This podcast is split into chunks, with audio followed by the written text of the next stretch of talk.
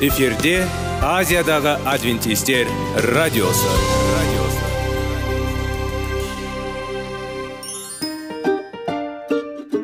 Сәлем достар. Денсаулық өмір бұлағы және біздің бірінші байлығымыз демекші денсаулық сағаты рубрикасына қош келдіңіздер. Біздің рубрикада біз әртүрлі факторларменен мәліметтерменен кеңестерменен бөлісіп шын жүректен сіздердің дендеріңіз сау болғанын қалаймыз. Сол үшін біздің рубрикаға қош келдіңіздер. Дайындалып тұрыңыздар. Өйткені келесі минуттарда қызықты фактілерге ие боласыздар. Енді достар ең бірінші байлығымызды қолымызға алып алға кеттік.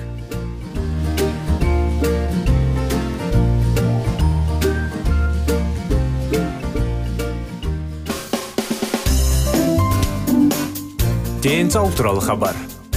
Денсаулықтың ашылуы. Күн сайын сөз үшін күшті кеңестер соңғы жаңалықтар қызықты факторлар. Біздің рубрикада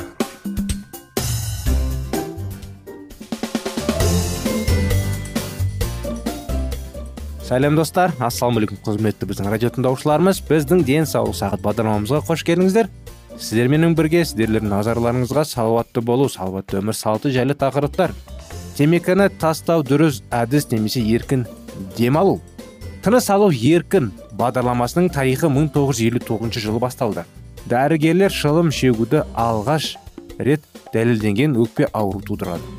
Бастапқыда ол темекіні тастағандарға 5 күндік темек жоспары деп аталды.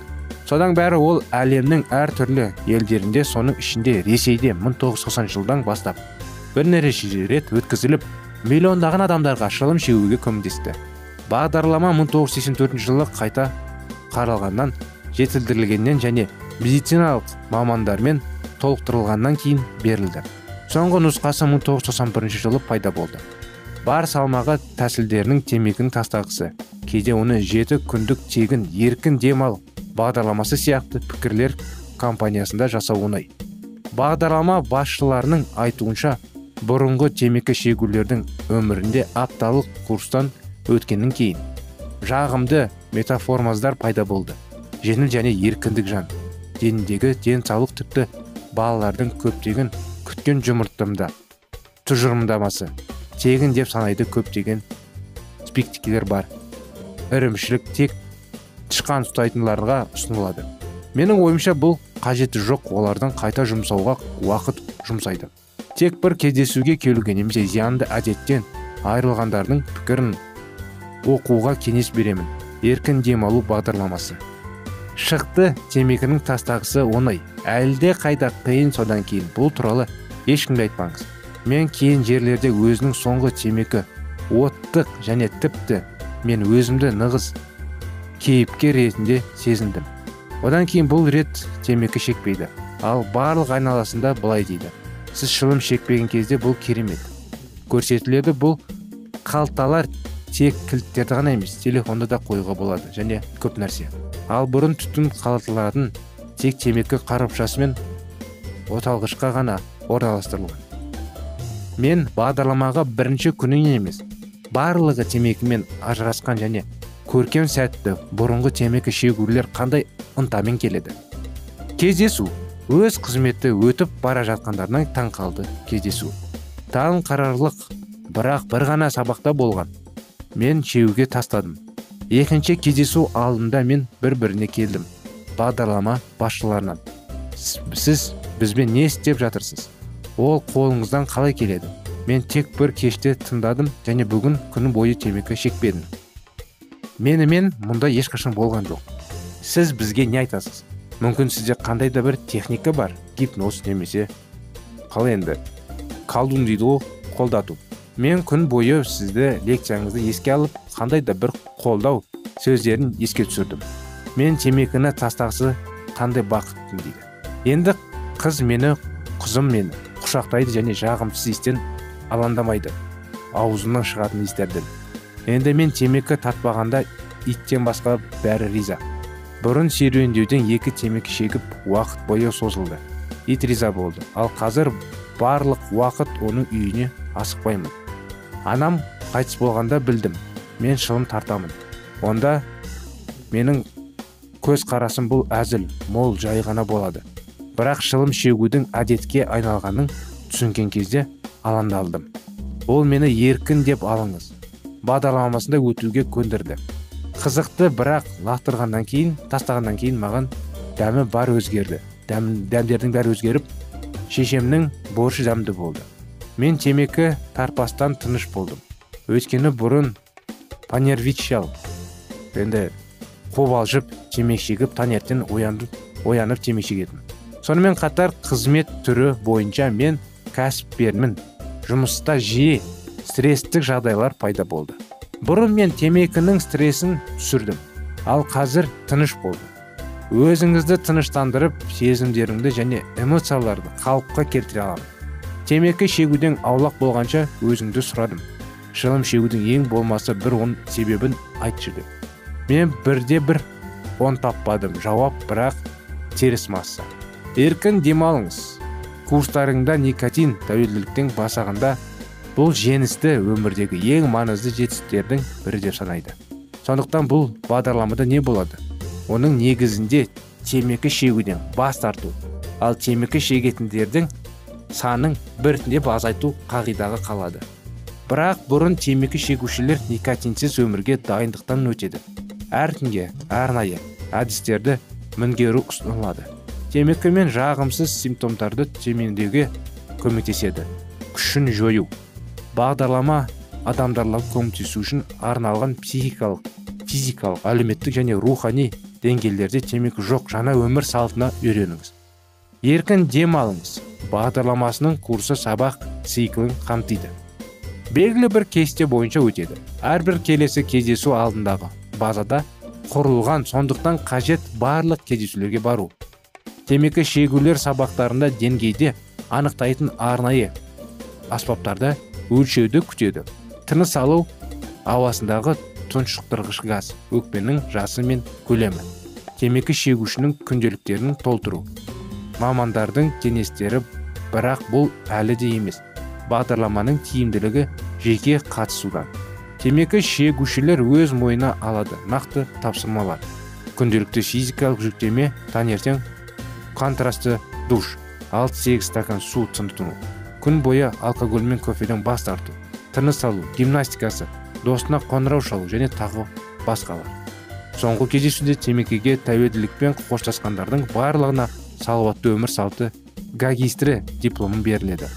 Сұрақ туындайды. Еркін дем ал бағдарламасының курсын қанша адам сәтті аяқтап диплом алды?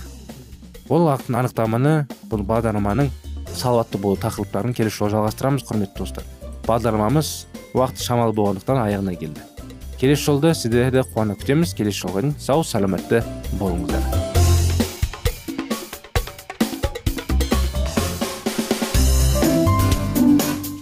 Денсаулық туралы хабар. Денсаулықтың ашылуы күн сайын сөз үшін күшті кеңестер соңғы жаңалықтар қызықты факторлар біздің рубрикада.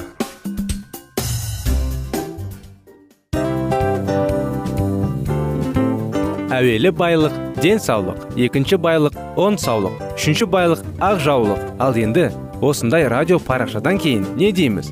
Барлықтарыңызға денсаулықтарыңыз зор болсын деп тілейміз. Денсаулықтың өзгеруі кішкентай нәрселерден басталады. Осымен біз берген кеңестер мен мәліметтер шын жүректен сіздер үшін қандай да бір болсын жәрдем берді деп үміттенеміз. Тыңдаушыларымызбен келесі радио парақшасына дейін қоштассамыз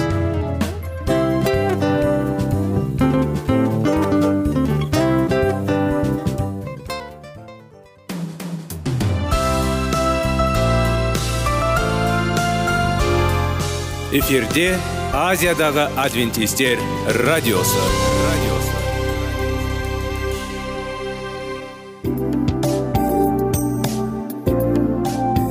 сәлем достар. Барлықтарыңызға шын жүректен сөйлесейік рубрикасына қош келдіңіздер деп айтпақшымыз. Шын жүректен сөйлесейік бағдарламасы әртүрлі қызықты тақырыптарға арналған. Шындығында шын жүректен сөйлесейік деген сөздің мағынасы екі достың екі адамның ортасындағы шын жүрекпен сөйлесуі бір біріне сенуі ашықтық пен шындықты білдіреді. Сол үшін біздің бағдарламалар әртүрлі қызықты тақырыптарға арналған. Дайындалыңыз жаңа қызықты мәліметтерге ие болға ондай болса кеттік.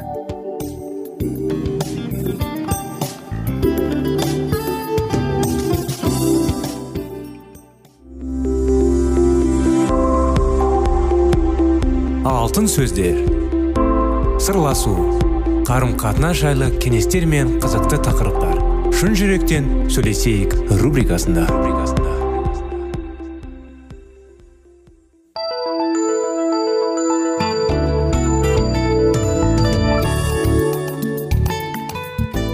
Армысыздар сәлеметсіздер ме құрметті радио тыңдаушыларымыз? Біздің шын жүректен сөйлесейік бағдарламамызға қош келдіңіздер.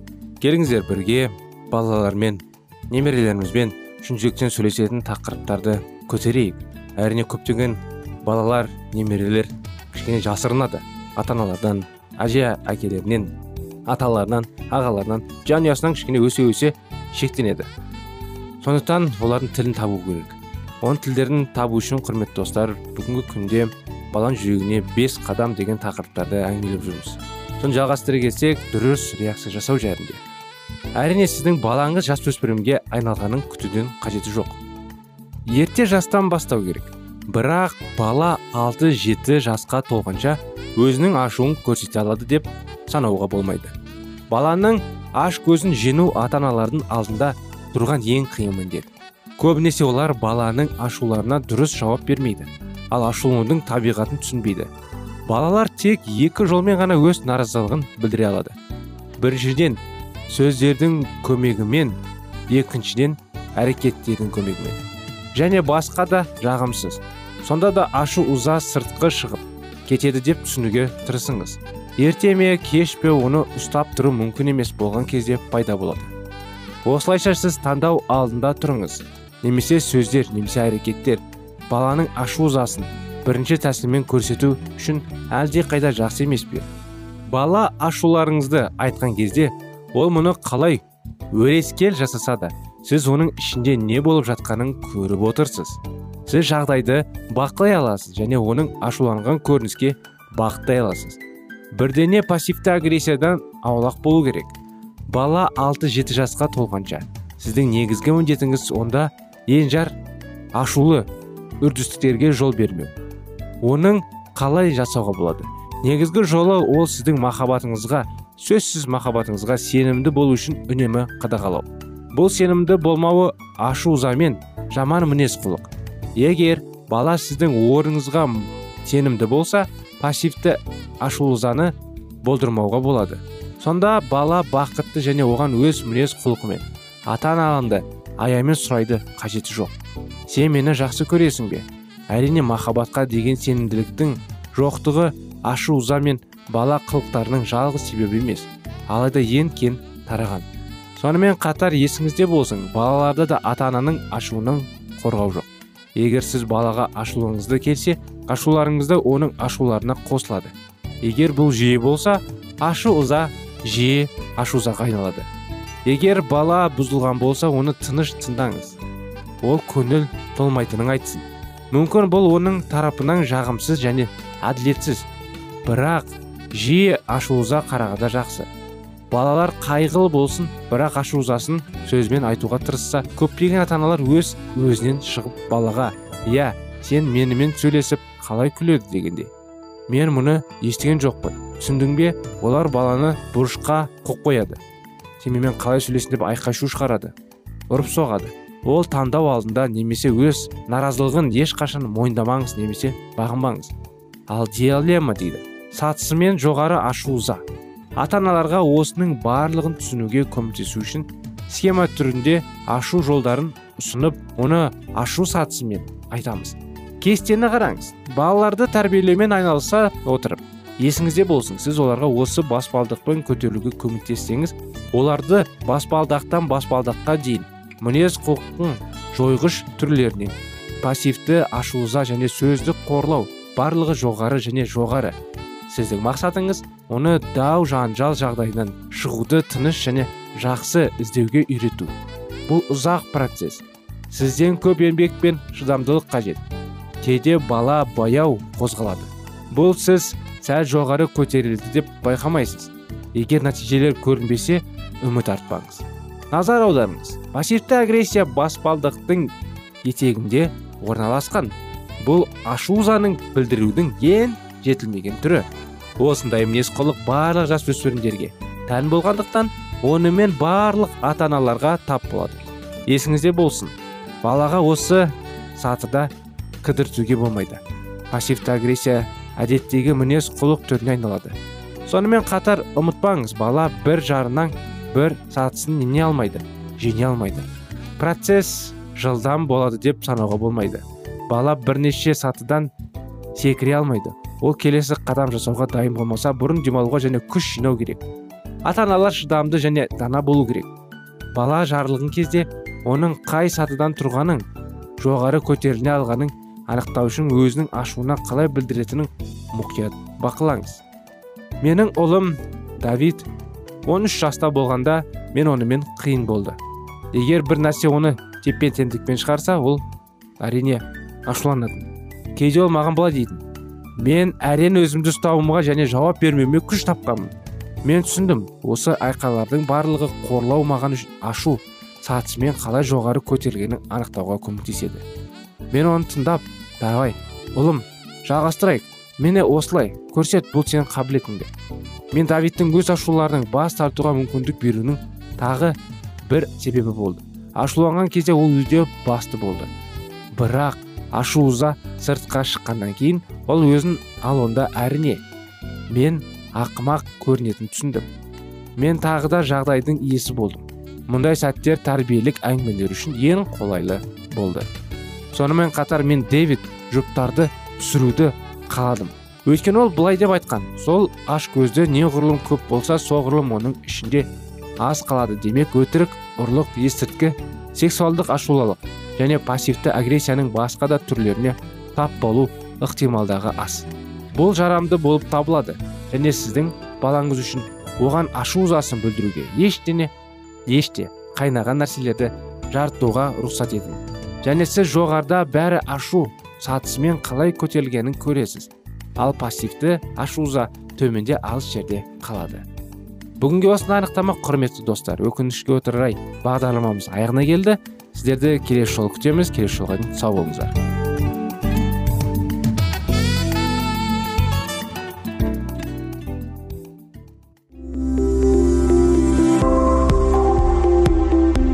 Алтын сөздер. Сырласу қарым қатынас жайлы кеңестер мен қызықты тақырыптар. Шын жүректен сөйлесейік рубрикасында.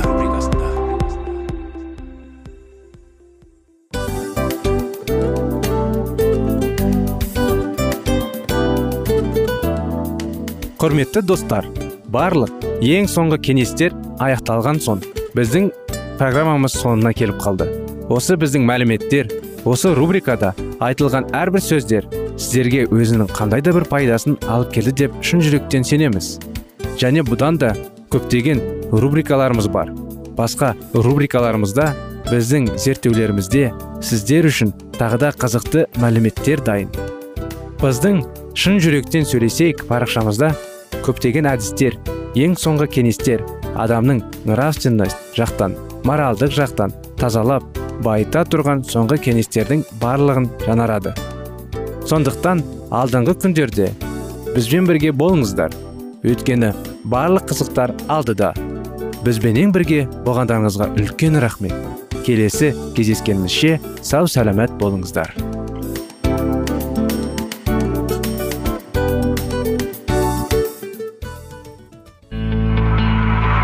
Жан дүниеңді байытқан жүрегіңді жаңғыртқан өмірдің мағынасын ойландырған рухани жаңғыру. Рубрикасы.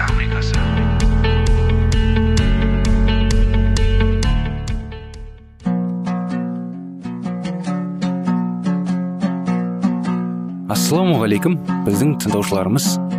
Келі кітаптың шындығын ашып берген қысқа бағдарламасына қош келдіңіздер. Барлығынан жоғары жаратушы біздің қарыңғылықта жалғыз қалдырып қойған емес. Өйткені ол келешекте не болу керек екенін киелі кітаптың парақтарында ашып береді. Немесе келіңіздер бізге қосылыңыздар. Жаратушы бізге нен ашып бергенін зерттейміз.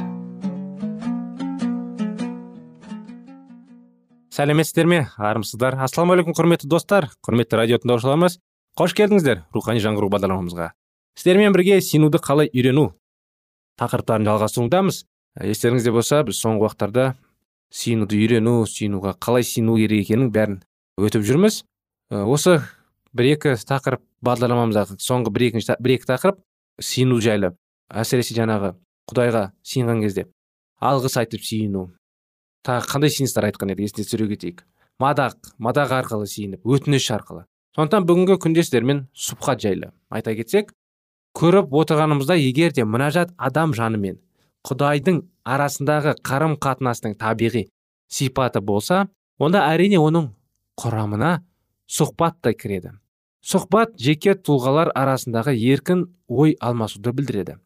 Мұнажат ету бұл жан дүниемізге исаны ендіру.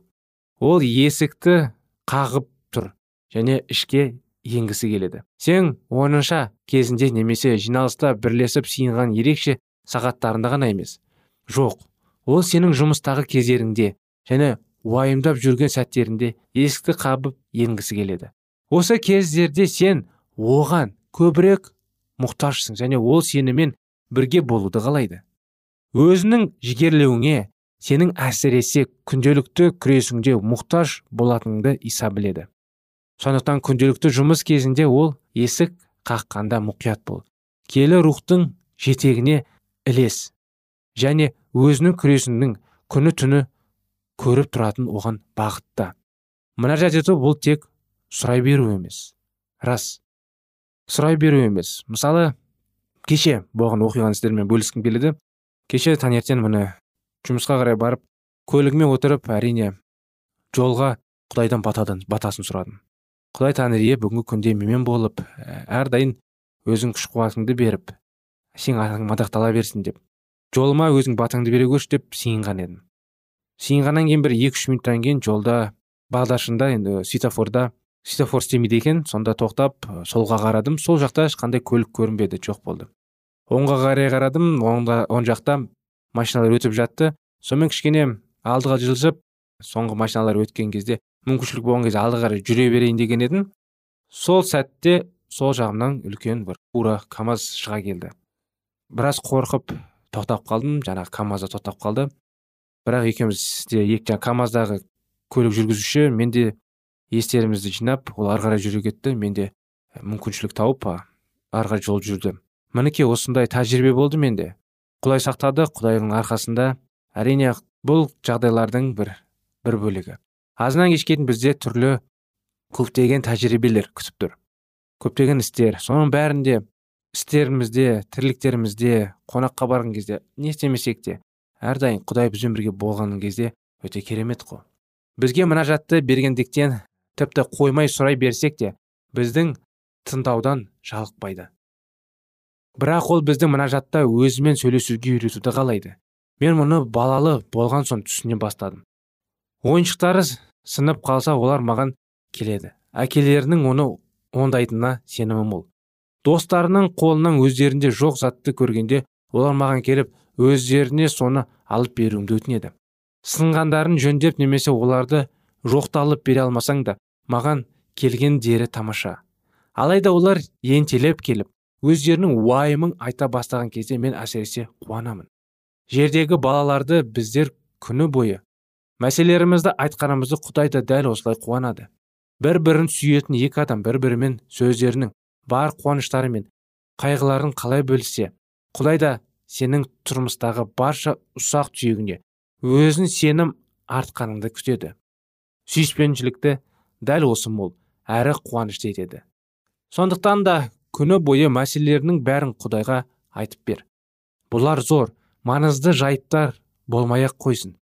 Тіпті өзінің күнделікті өміріңді құрайтын ұсақ түйектерді жайып сал. Оған өзінің қуанышыңды айтып оны да қуанышқа бөле. Ол сенен дәл осыны күтеді. Егер сен қайғырып жүрсең кеңеске зәру болсаң бір нәрседен қорықсаң соның бәрін оған айтып бер. Ол сенің осының да күтеді. Себебі ол сені сүйеді. Сондықтан саған қатысты мәселелерге ол құрайды қарамайды. Ол үшін бәрі маңызды. Біздің мәсіхші ретіндегі өмірімізді басқаша өткізгенімізді құдай мүлде қаламайды. Күнделікті мәсіхтегі өмірімізді рухымыздың өзімізді ойламай өзгелерге қызмет етуге реніштерге түзуге және соңғы сөзді өзгелердің еншісіне қалдыруға дайын және қабілетті ететін құдіреттен күш алып отырмаса болмайды. Мұның сыртында құдай біздің күнделікті өміріміздегі күрестеріміз бен қам қартерімізге араласуды қалайды.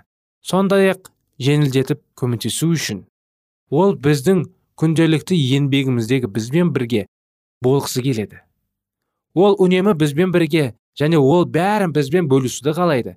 Және біз үшін бүкіл мәсіхтегі өміріңіздің ең тамашасы осы. Құдаймен тыныштықтағы үздіксіз қарым қатынас бізді бақыт етуге қабілетті құдайдың жақындағы сезіну әдетте біздің қуанышымыз бен тыныштығымызға іштей қанағат тұтуымызға және бәрімен татулығымызға жағдай жасайтын мәселенің бәрінен асыл түседі.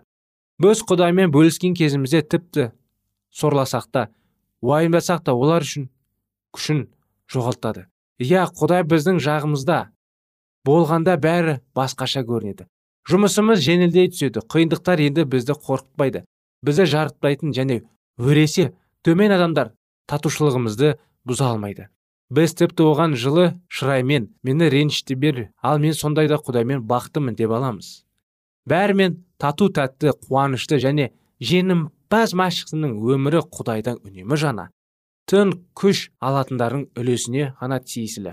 Егер күнделікті мәсіхтегі өмірімізде көпшілігіміз әлсіз болсақ онда мінәжаттың осы қырында дұрыс емес жайт бар.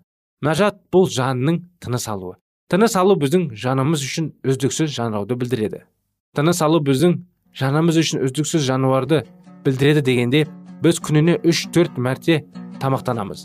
Ал тынысты күн түні аламыз. Біз таңертең түске дейін жететіндей тыныс ала алмаймыз және таңертең түске дейін жететіндей дәрежеде сиына алмаймыз. Сондықтан елші былай дейді. Құдайға үздіксіз естіп отырсыздар ғой? Үздіксіз сиыңыздар күрсіністерді жағдайға қарай дауыстап немесе сыбырлап көкке қарай бағытта. Мінекей құрметті достар осымен бағдарламамыз аяғына келді. Сіздерді келесі бағдарламаға шақырамыз. Келесі жолға дейін сау болыңыздар.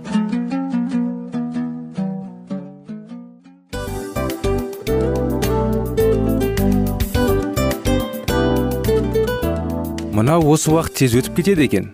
Біздің бүгінгі рубрикалардың аяғына да келіп жеттік. Ақпаратымызды парақшамызды қазір ғана бастаған сияқты едік. Соңында да келіп қалдық. Уақыт деген тегі білінбей өтіп кетеді екен. Бүгінгі 24 сағаттың алтындай жарты сағатын бізге бөліп арнаған үшін рахмет. Егерде өткен сфераларда пайдалы кеңес алған болсаңыз біз өзіміздің масатқа жеткеніміз. Кеңестерді қолданам десеңіз өзгерістерді кішкентай қадамдардан бастап іске асыра беріңіздер де жасағандарыңыз үлкен үлкен жетістіктерге жете берсін. Шын жүректен әрбір берілген кеңестер сөздер сіздерге пайдасын әкеледі деп сенеміз. Сіздермен бірге кездесулерімізді сөзсіз түрде асыға күтеміз. Сәтті күн тілеп сіздер менің ұзаққа қоштаспай келесі кездескенімізше тек қана сау саламатты болыңыздар дейміз. Достар біздің бағдарлама бойынша сұрақтарыңыз болса әрине сіздерге керекті анықтама керек болса біздің whatsapp нөмірімізге хабарлассаңыздар болады. Плюс бір үш жүз бір жеті жүз алпыс алпыс жетпіс иә достар сіздер қателеспедіңіздер бұл біздің номерлерге ұқсас болмаса да бұл whatsapp номер арнайы. Хабарласыңыздар сұрақтарыңызды қойып тұрыңыздар. Анықтаманы алып тұрыңыздар. Плюс бір үш жүз бір жеті жүз алпыс алпыс жетпіс номері.